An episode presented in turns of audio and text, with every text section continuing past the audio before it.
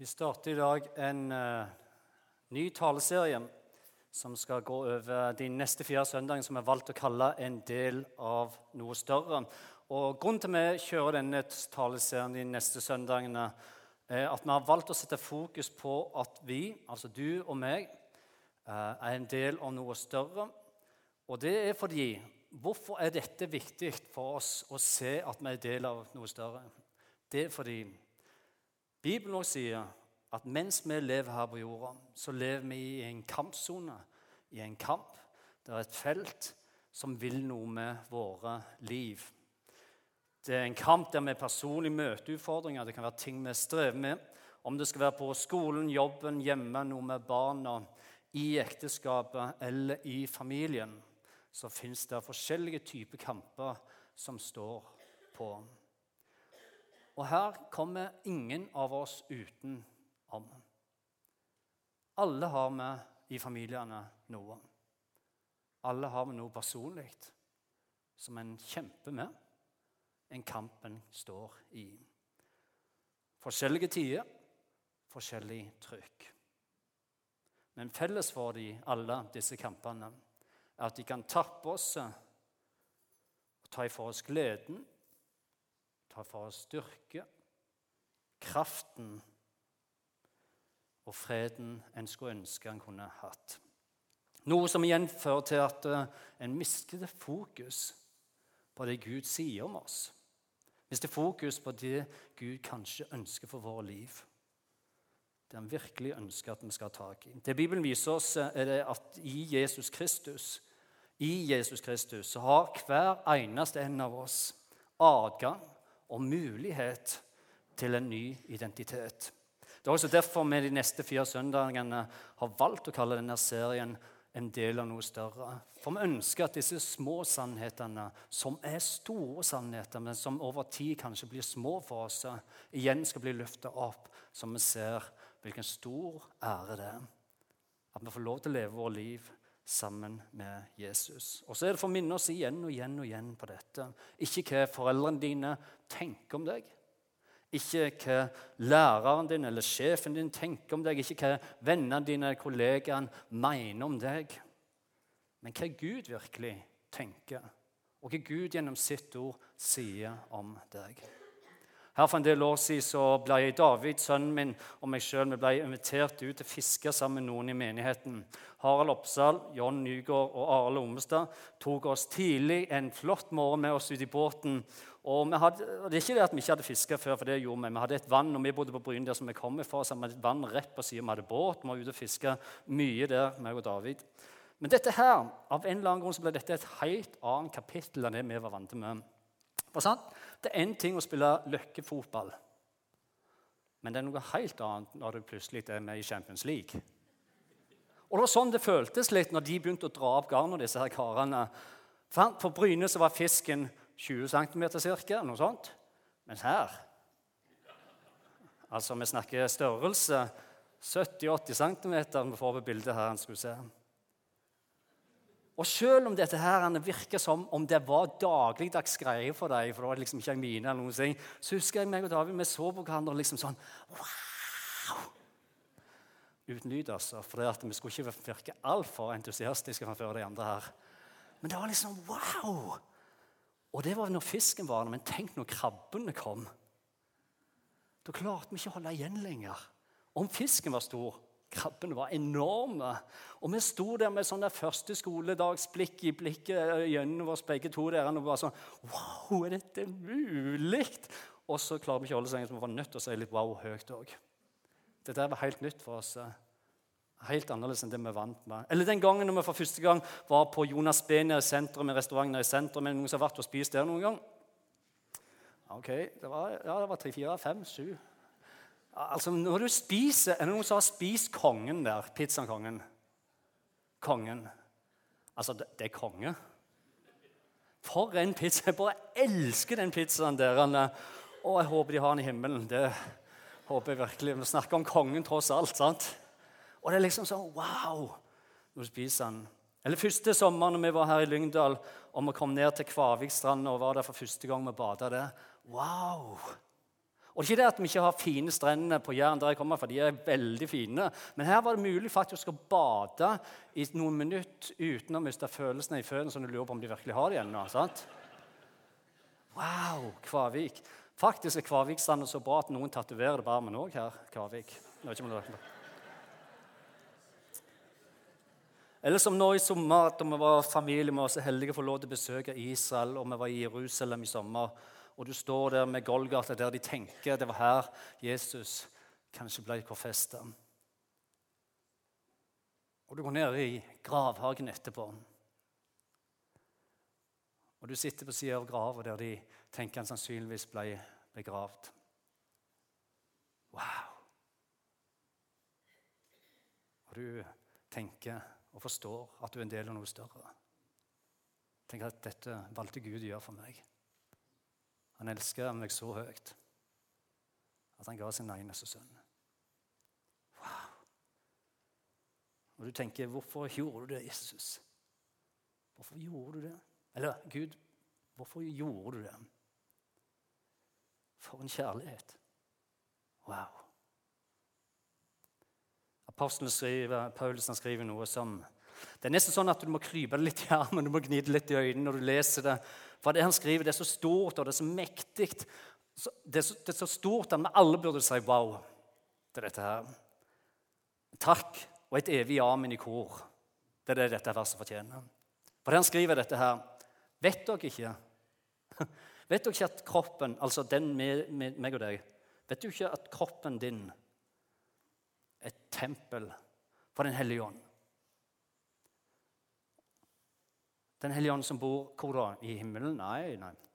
Hos de som fikser livet, som ikke står i kamper? Nei, nei. Uten, de uten bekymring, uten frykt, uten angst, eh, depresjon? Nei, nei, nei. Hvor Den hellige ånd bor, sier Paulus. Ja, Den hellige ånd bor i deg. Og i deg. Meg. Og hvor kommer Den hellige ånd fra? Jo, Han er fra Gud. Og Så fortsetter Paulus, og så sier han det sånn som dette her. Hvis det er sånn, da så tilhører ikke dere lenger dere sjøl. Dere er kjøpt. Prisen er betalt. Bruk da kroppen deres til Guds ære. Med andre så skriver Paulus, kjære gode dere, husk på dette, og glem aldri dette om dere går gjennom kamper, om livet er tøft, om du kjenner dette utfordrer meg, eller dette har jeg vært med på, skulle aldri gjort det. Hvis du kjenner på det, Glem aldri at Gud elsker deg.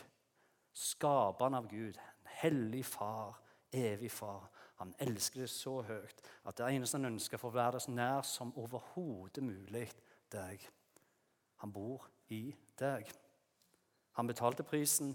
Lev da. Ja, bruk kroppen, livet, slik at Gud får din ære. Og Bibelen viser oss at når Gud da skapte helt i begynnelsen av Bibelen, så kan du lese at Gud han skaper universet, han skaper jorda, han skaper til slutt mennesket, Adam og Eva. Og Hvorfor gjorde Gud dette? Jo, Det gjorde Gud fordi han ønsket en kjærlighetsrelasjon til noen som var skapt i sitt bilde. Han skapte i sitt bilde, så ønsker han å ha en relasjon til oss mennesker. Og Det står videre at Gud daglig gikk og vandra ansikt til ansikt sammen med Adam og Eva. Og Så viser Bibelen videre oss dette at syndefallet kommer. Adam og Eva gjør det de ikke skulle gjort. Og det er ikke bra. Fordi synden, hva gjør den? Den øyelegger alt han kommer over. Og Framover blir vi vitne til, som en rød tråd gjennom Bibelen, at Gud i tusenvis av år framover ønsker å opprettholde, ønsker denne kjærlighetsrelasjonen med mennesket igjen og igjen. Ønsker han å være nær. På Moses' i tid, Moses som var med og fredde Israel ut fra slaveri, så kan du lese at det, det står med et tabernakel, eh, et telt. Og Gud bodde i dette teltet. da nær folket sitt. Og Folk var rundt dette teltet, og folk gjorde altså så rare ting. Men bare tenk på dette her tabernaklet et hellig rom. Og det var så hellig at det var kun ypperste presten som kunne gå inn der. Der bor Gud. Han beskytter dem, han leder dem, han forsørger dem, han elsker dem igjen og igjen. og igjen, står det. Mens folket rundt ham finner på alle slags rare ting. De syter og de klager, og det er ikke måte på. De forlater han, og de gir Gud skylda for det meste. Og jeg spør meg selv, når jeg leser dette, så spør jeg meg selv, du bor Gud, skaper av alt liv, velger å bo i et telt. Og så springer folk rundt og gjør alt det de gjør, og er misfornøyd, aldri fornøyd. Hvordan holder du ut?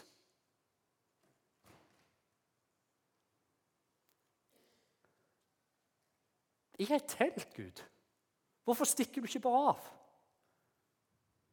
Og Det eneste svaret jeg klarer å finne som er, er forståelig, at Gud virkelig, virkelig, virkelig må elske oss mennesker.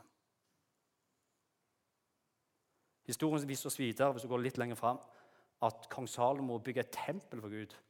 Gud, Du kan ikke bare bo i tabernakel, du må ha et tempel, et svært, svært fint tempel i Jerusalem. Men ennå var det sånn at kun ypperstepresten kunne gå inn der. Og det var sånn i historien at ypperpresten en gang i året så måtte han renses. Og Det var en renselsesposisjon, her, og han måtte bekjenne ting, få vekk alt. For han skulle inn til der Gud var. Og Grunnen til han gikk inn, det var for å ofre til Gud, for å be om synstilgivelse for alle menneskene. Og Dette skjer da en gang i året. Og det De gjør er at de binder rundt en tråd rundt foten hans. Og Hvorfor gjør de det? Fordi Hvis ikke renselsen, hvis ikke alt var ferdig, hvis ikke alt var rent og ikke alt var godt Når han gikk inn til Gud, en hellig Gud, så ville han dø da. Da hadde de i hvert fall en tråd sånn de kunne dra han ut igjen og i hvert fall få begravd han. Men Gud er hellig. Gud er hellig. Og Dette ritualet pågikk og det pågikk, og de bygde tempelet. Og Hver gang så var det sånn at han kunne ikke skjule noe som helst for Guds nærvær, den ypperstepresten. Og tenk nå, Når vi leser dette bibelverset her nå i dag, når vi leser dette, så tenker vi Ja, så flott. Ja, men er ikke det bra, vel? Tempel for Gud? Den hellige ånd? Det må jo være greit, er ikke, er ikke det greit? Det er jo fint, fint, det. Min kropp er tempelet Den hellige ånd. Det må jo være greit å ha med seg det. da. Men hvis du levde på den tida med tabernakel og tempelet. Og du leste dette verset her, Anna. Den tida som ypperstepresten bare kunne gå én gang i året liksom inn der. Hvis du leste dette verset her, til kroppen i det tempel for Den hellige ånd, så hadde alle folk sagt, og du sannsynligvis med sagt, No way. Det er faktisk ikke mulig. Det der er faktisk blasfemi. Gud er hellig. Jeg er syndig. Jeg hadde dødd med en eneste gang. Han, Gud er i tempelet, han er i hvert fall ikke i meg. Men så stopper ikke Paulsen, han fortsetter å skrive det videre i Romerbrevet 8. så skriver han dette her. Men om Kristus bor i dere, er nå kroppen død pga. synden, men ånden er levende pga. rettferdigheten. Han reiste Jesus opp fra de døde, og dersom Hans ånd bor i dere, han som reiste Kristus opp de dere, også gi deres dødelige kropp livet sånn, sin ånd som bor i dere. Og Det Paul skriver her, er dette her, at den samme ånd som Jesus hadde med seg i møte med menneskene, og som forvandla livet deres fullstendig Vi leser om kvinnen med brønnen. Vi leser om Sakkeus. Vi leser om forbryteren på korset, kvinnen som ble tatt i hor, disiplene til Jesus, den lamme, blinde, døve som får hørsel, blinde som får synet, de spedalske som blir friske. Den samme ånd som møtte barn og unge i hele familien. Den samme ånd som reiste opp Jesus fra de døde, sier Paulus. Som lot blodet strømme inn i årene igjen. Som blåste inn oksygen. Og som ga nytt liv til Jesus igjen. Slik at han med sin kropp tre dager seinere etter korsfesten kunne stå opp igjen. Ja, den samme ånd som mennesker skal ha i tusenvis av år, i generasjon etter generasjon, har bedt og lengta etter. Den samme ånd bor i deg og i meg. I alle de som har gitt sitt liv til Jesus. Og sannheten om det her er det at det burde gitt oss aldri så lite wow! Eller Et lite armen, i hvert fall. Ikke det heller, nei. Fordi det betyr jo at du og meg, vi er bærere av Gud den allmektige, vår far, overalt hvor vi er. I møte med alle mennesker, i møte med livets kamper, i møte med det vi vel er viktig for oss, er vi tempel for Den hellige ånd. Wow. Når jeg vokste opp, så vokste jeg ikke opp i en kristen familie. Men uh, det, var, det, var, det, var, en flott familie. Um, uh, og det var først når jeg var 17 år gammel, på et møte ikke så ulikt dette her, at jeg tok imot Jesus. Jeg hørte pastoren, og jeg husker han talte ut fra Johannes 3, 16, der han plutselig sier dette. Sånn er det. For så høyt elsker Gud verden at han ga seg sjøl for deg. For hver den som tror på han ikke skal gå fortapt, men har evig liv. Og når jeg hørte dette her, og det ble, ble virkelig for meg og jeg bare tenkte, Wow! Hvem er det for en Gud som sender sin egen sønn, for han elsker meg så høyt? Som bare ønsker den relasjonen. Og jeg husker at når Han fortalte han avslutta med bønnen etter møtet, denne pastoren, og så spurte han dette spørsmålet på et møte sånn som dette her, er det noen som ønsker å ta imot Jesus og invitere han inn i tempelet sitt. Så rettet jeg opp hånda, og som 17 år så tok jeg imot Jesus. Og det ble en sånn god og sterk opplevelse. Der, i det øyeblikket, så forsto jeg at jeg er en del av noe større. Noe mye større. Gud elsker meg. Han hadde en plan for meg, for mitt liv. Og så gikk årene, da. Og så hørte jeg talen en gang til, to ganger til, fem ganger til. Johannes 3, 16, ti ganger. Og så leste jeg det noen ganger, og så hørte jeg det 50 ganger. Og så hørte jeg det 100 ganger. Og hva som skjer med oss mennesker når ting begynner å bli en vane? Jo, faren da er jo at det som var stort før, ikke er så fullt så stort lenger. Og det er en ting med pizza kongen, liksom. At når du har spist den 100 ganger at den ikke er like god lenger. Det er en ting. Men det er noe annet når det kommer til Guds ord og livet sammen med Gud. For Dessverre så skjer jo det òg. Ting blir en vane. Og det en først så som, som en del av noe større, så er det plutselig bare en sjøl igjen, liksom. I Hebrevet 11 kan du lese om disse trosheltene som har gått foran oss. og som Forfatterne løfter de opp som et eksempel for hvordan en kan leve et trosliv. De sto i kamper, de sto i vanskelige ting og utfordringer. Men de lente seg inn til Gud, og så ble de værende der. Du har Noah, Abraham, Moses, David, Salomo, Sara og mange mange flere. Det er ikke sikkert du har hørt om dem engang, men de står der som eksempel for oss. Men se for deg dette her, da. Tenk om du en dag, den dagen du kommer til himmelen, skal få møte en av disse trosheltene. Noe som jeg faktisk tenker er ganske stor mulighet eh, for det at vi skal være der en evighet. på en måte, sant? Så det kan være at vi treffer noen av disse. Men tenk hvis en av de kommer bort til deg og så sier han dette. Du må bare fortelle hvordan det var. Og du sier eh, Fortelle hva? Ja, Du må bare fortelle det. Ja, hva er det du vil vite? Ja, Tenk at du hadde den samme ånd som reiste Jesus opp for de døde, inni deg. Hvordan var det? Tenk at du gikk med rundt inni deg. På butikken, i familien, blant vennene, med kollegaene. Den ånd som reiste Herren opp for de døde, valgte å bo inni deg. Hvordan var det? Det må ha vært helt fantastisk. Hvordan føltes det for deg? Jeg var bare en konge, jeg, sier han kanskje. Jeg var ikke noen ypperste prest. Jeg hadde ikke mulighet til å være der med den ånden. Og det triste er dette at noen kommer til deg og sier til deg Sorry, men jeg, jeg vet ikke helt. Jeg levde bare livet mitt, og så ble det bare sånn. Og så tenkte jeg ikke så mye over det. i grunnen. Når Paulus skriver videre i Galaterbrevet 2, så er det en bekjennelse for Paulus, men det er også fantastiske nøkler til våre liv. For han skriver dette her. Jeg er korsfesta med Kristus. Jeg lever ikke lenger sjøl, men Kristus lever i meg.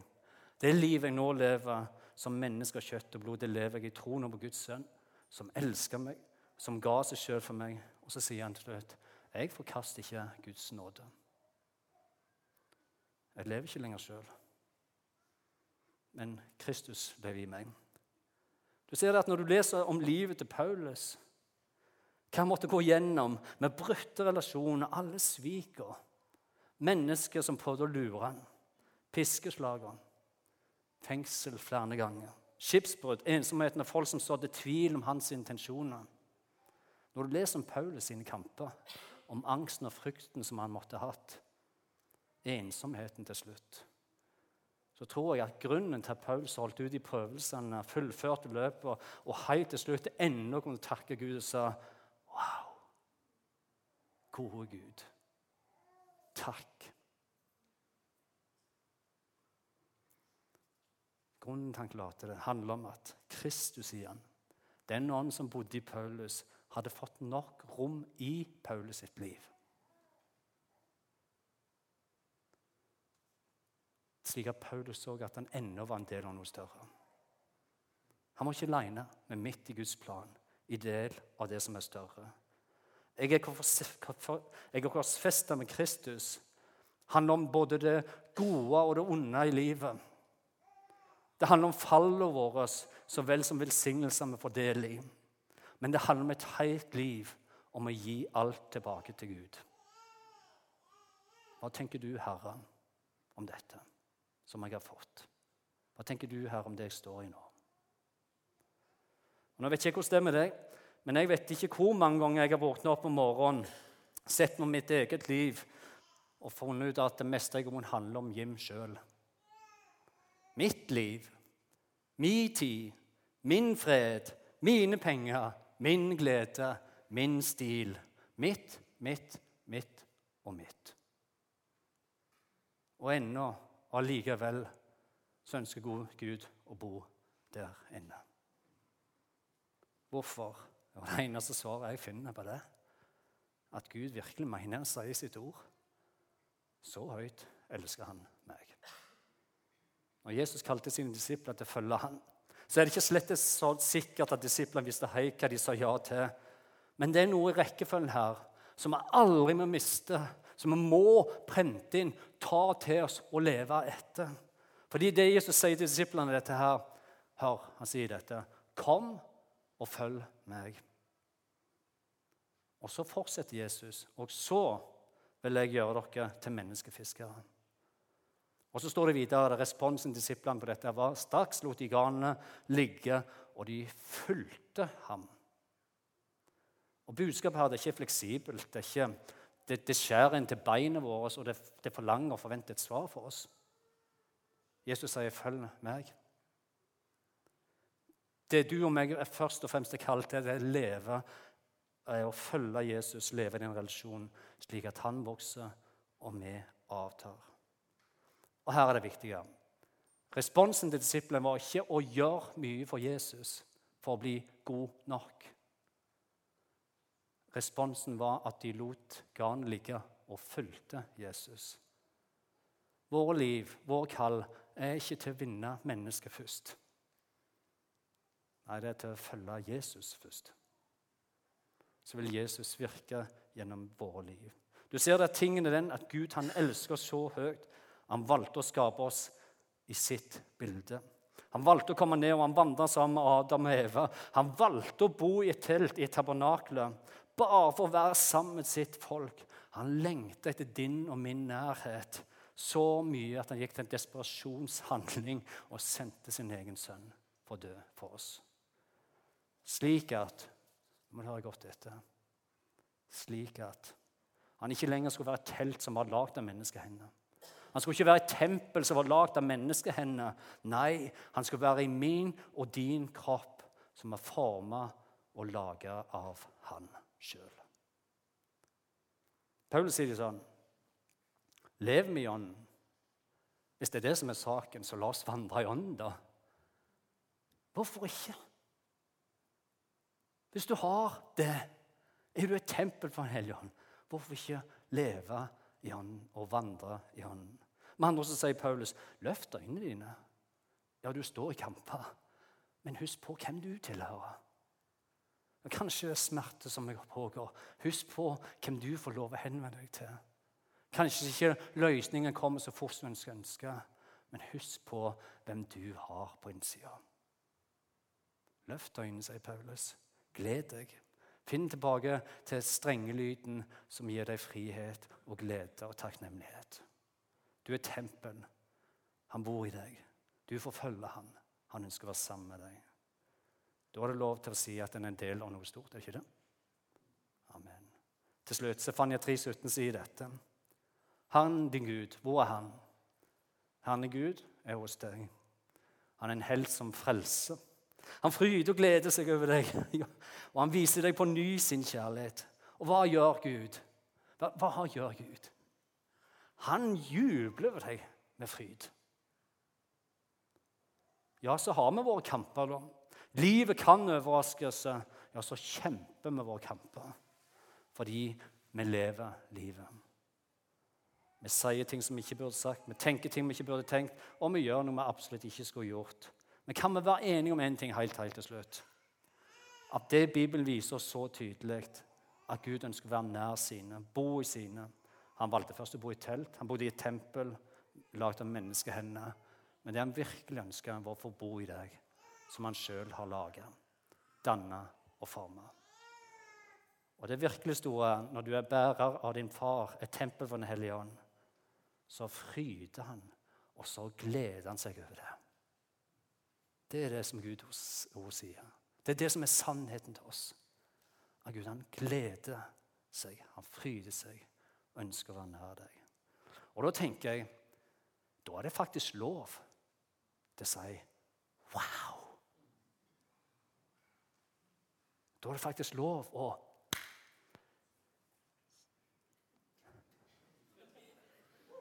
Yes. Da er det lov til å si amen, og da er det lov å være glad. Da er det lov å takke. Ja, vi lever livet i kampene, men Gud, han er her. Ikke fordi vi gjorde noe stort, men for han er stor. Du er del av noe større. Glem aldri det. Og så gleder vi oss til neste søndag når vi fortsetter i serien. Så skal vi be sammen til slutt. Gode Far i himmelen, vi takker deg her for sannheten, at vi får lov til å være en del av noe større. Den enkelte av oss vi kan kjenne oss så små, vi kan kjenne oss ubetydelige til tider.